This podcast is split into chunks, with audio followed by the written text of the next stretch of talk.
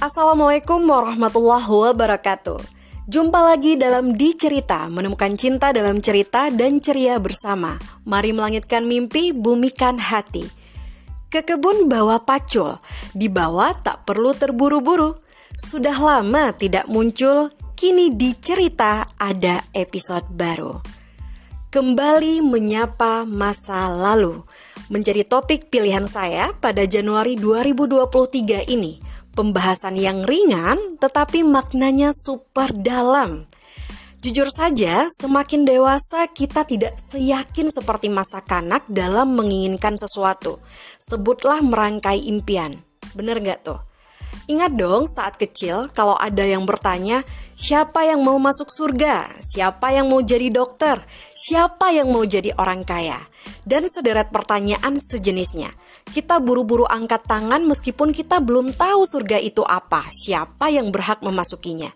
Demikian juga ketidaktahuan kita seperti apa tahap panjang yang harus dilalui seseorang agar menjadi dokter Bahkan, kita masa itu tidak tahu juga tuh tantangan yang harus dijinakkan untuk menjadi kaya dan kehidupan seperti apa yang harus dijalani setelah memperolehnya.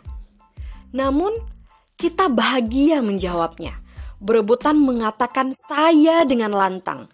Kita bisa percaya diri sekali memamerkan jari telunjuk yang diangkat tinggi. Kita belum peduli pada definisi, ciri-ciri, indikator, atau standar yang kita punya sehingga pantas nggak itu semua dimiliki? Mungkin nggak ya? Nah, semacam bodoh amat, toh kita terpenting bersorak riang mengatakan, saya, saya. Lalu tertawa bersama dan rasanya ya nikmat sekali kan? Itulah kita di masa lalu, saat masa kecil dan tidak sabar buru-buru besar. Kita baru pusing ketika beranjak remaja, apalagi dewasa kita mulai mengagung-agungkan kalimat ya hidup seperti air mengalir saja. Karena apa? Karena kita sudah mulai bisa mengukur diri sendiri. Mengukur segala kemungkinan. Kalau di Minangkabau, biasanya orang tua menyebutnya dengan maukua bayang-bayang.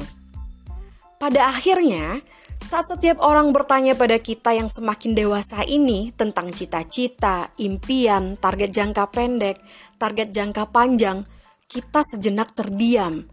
Dijawab jujur takut dinilai ketinggian karena diri sendiri saja tidak yakin bakal sanggup mencapainya. Dijawab bohong juga takut dinilai tidak punya tujuan hidup. Nah gimana tuh? Kalau sahabat berusia 25 tahun ke atas, pasti pernah merasa di posisi itu. Bisa bertahan hidup saja udah hebat. Gak pernah mikir aneh-aneh mau gantung diri atau minum racun aja itu tanda udah dahsyat. Tanpa perlu babi bu punya prestasi ini itu. Wes, bisa tidur bahagia dan bisa bangun lagi dengan bahagia saja, itu sudah keberuntungan tak terhingga. Pertanyaannya, kita begitu atau enggak sih? Di usia kita yang terus menaik jumlahnya ini, kita tidur dan bangun lagi dengan bahagiakah? Atau didominasi rasa kekhawatiran baru yang tidak pernah ada habisnya? Beberapa hari yang lalu ya, saya menulis caption di salah satu postingan in Instagram saya nih. Begini bunyinya. Barangkali ada masa kanak, remaja, hingga fase dewasa awal yang tidak sempurna kau tenun sehingga hari-hari di depan terasa semakin longgar dan membuatmu takut meskipun hanya melihat bayangan diri sendiri. Kira-kira begitulah kegambangan yang terasa.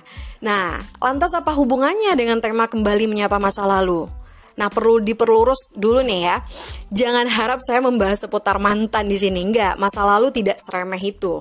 Tidak akan. Saya sedang mengajak sahabat sekalian untuk tidak utuh melupakan masa lalu karena barangkali kita pada masa lalu itu lebih berani dan percaya diri dibanding saat ini. Tetapi juga jangan sampai terlalu larut dengan masa lalu karena kehidupan terus berjalan. Jika banyak kenangan baik pada masa lalu, kita tak boleh dibuai terlelap nyenyak sehingga merasa cukup dan berpuas diri. Sebaliknya, jika banyak kegagalan di masa lampau, tak perlu terlalu brutal juga mengutuk bahkan menghakimi, ya belepotan lagi nih, bahkan menghakimi diri sendiri. Nah gitu nih sahabat. Yang perlu kita ingat, saat ini adalah hasil dari apa yang kita kerjakan pada masa silam dan apa yang sedang kita kerjakan pada hari ini juga akan menentukan siapa kita pada masa depan. Cukup sapa masa lalu, ambil senyumnya, semangatnya, dan segala hal-hal baik yang bisa digandeng ke masa depan. Jangan pula setelah disapa kita terlena, terpaku di sana. Kalau ada kenangan pahit di masa lalu, jadikan pelajaran untuk menata hari-hari di depan lebih bijak dan minim kesalahan. Minim bukan berarti bebas blas dari kesalahan loh ya. Wong namanya juga manusia, bukan malaikat. Kita pasti tetap ada salahnya. Bedanya, ada orang yang berkenan memperbaiki kesalahan, ada pula yang enggan. Lalu, penting gak sih mengingat masa lalu? Sebuah tulisan yang dikemas oleh Laura Jobson, menurutnya peneliti sudah menemukan bahwa mengingat masa lalu merupakan dasar penting bagi perkembangan manusia. Pertama, ingatan itu membantu kita membentuk identitas. Ingatan akan memberikan detail mengapa kita berpijak di sini, mengapa kita tumbuh begini, siapa kita, apa latar belakang kita, dan seterusnya. Semakin kita jujur pada ingatan masa lalu, hati akan lebih lapang. Oh, saya dulu begitu. Nah, sehingga kita semakin terbantu untuk menambah target lainnya yang bisa dilekatkan pada identitas kita pada hari ini dan masa depan. Kedua, ingatan membantu kita memecahkan masalah. Saya jadi ingat saat dulu perekonomian keluarga ambruk drastis ya, sehingga membuat saya sering diam-diam menangis, terancam tidak lanjut kuliah dan lain sebagainya. Namun saya ingat, pada masa lalu saat menghadapi kondisi berat itu saya menemukan solusinya dengan cara menekuni hobi menulis sehingga punya karya yang bisa bernilai jual. Saya pun pada akhirnya bisa kuliah bahkan itu di salah satu kampus favorit di Indonesia. Dengan mengingat itu semua, saya menjadi tertantang harus yakin juga menemukan solusi-solusi pada masa kini. Itu buktinya uh, ya semacam ingat masa lalu dan itu menjadi bukti bahwa oh ternyata dulu saya bisa melewatinya maka untuk tantangan-tantangan yang ada pada masa kini berarti saya juga punya peluang besar untuk mampu melewatinya. Ketiga, Ingatan masa lalu membantu kita bersosialisasi. Ya, itu bisa menjadi rujukan cara bersikap dan berinteraksi dengan orang-orang baru. Bahkan juga bisa menautkan kembali hubungan yang sudah berlumut di masa lalu. Kembali menghubungi dan bertanya kabar dengan orang-orang yang telah membuat kita kuat pada masa silam. Begitupun ingatan akan menuntun kita pada ungkapan terima kasih atau sorry yang belum tersampaikan. Keempat, Ingatan itu membantu kita dalam mengatur emosi.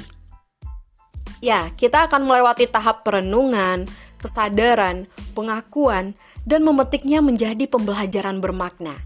Namun, ayo berhati-hati. Kita tetap butuh mengontrol ingatan pada masa lalu itu. Kita harus memilah mana nih ingatan yang menjadi sumber emosi positif dan mana emosi negatif. Kalau salah pilah, kita juga yang kerepotan. Jatuhnya bisa depresi. Untuk menghindarinya, mari lebih banyak mengingat kenangan baik dan manis lalu mensyukurinya. Seandainya tidak sengaja berjalan ke masa lalu, lalu terikat di sana, terlebih pada bagian yang tidak mengenakan untuk diingat, ambil tindakan segera. Di antaranya, luangkan waktu untuk menuliskan segala sesak karena tidak semua kembali layak diceritakan pada orang lain. Kedua, berlatih mengingat hal positif, semacam membuat peralihan. Ketiga, latih strategi perhatian, semisalnya fokus pada apa yang kini sedang dilihat, tercium, terdengar. Kemudian produktif serta proaktif menciptakan ide atau kesibukan. Jika masih merasa terkurung dalam masa lalu yang gelap dan pengap, ada baiknya kita temui dokter atau praktisi kesehatan.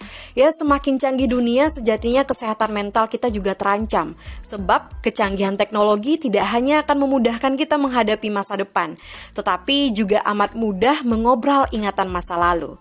Dan kita sama-sama tahu, sahabat, tidak semua bagian dari masa lalu itu menyehatkan ingatan.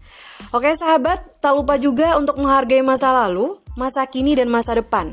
Kuncinya ya salah satunya adalah pemanfaatan waktu.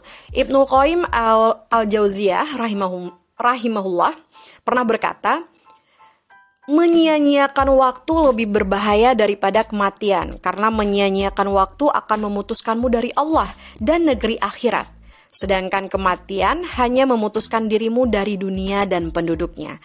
Pesan bermakna itu tercantum dalam kitab Al-Fawaid halaman 44 ya, 44. Oke, simpulan dari saya udah kepanjangan ngomong ya.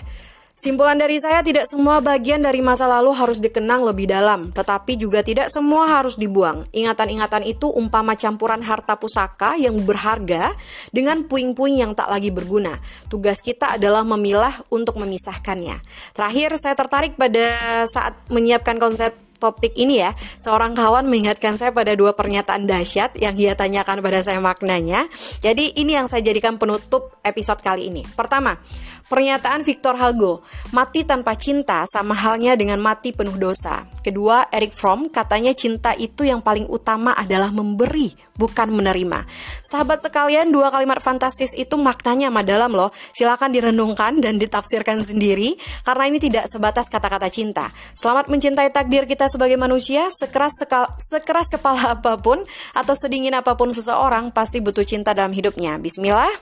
Mari ucapkan terima kasih dan maafkan segala apa yang ada pada masa lalu kita. Kemudian, mari menjalani hari-hari yang lebih tertata pada tahun 2023. Mari mencintainya, ya sebenar-benar cinta. Mencintai masa lalu, mencintai masa kini, mencintai masa depan, mencintai sang pencipta kehidupan. Sampai jumpa episode selanjutnya, tetap dengarkan di cerita menemukan cinta dalam cerita dan ceria bersama. Mari melangitkan mimpi, bumikan hati. Assalamualaikum warahmatullahi wabarakatuh.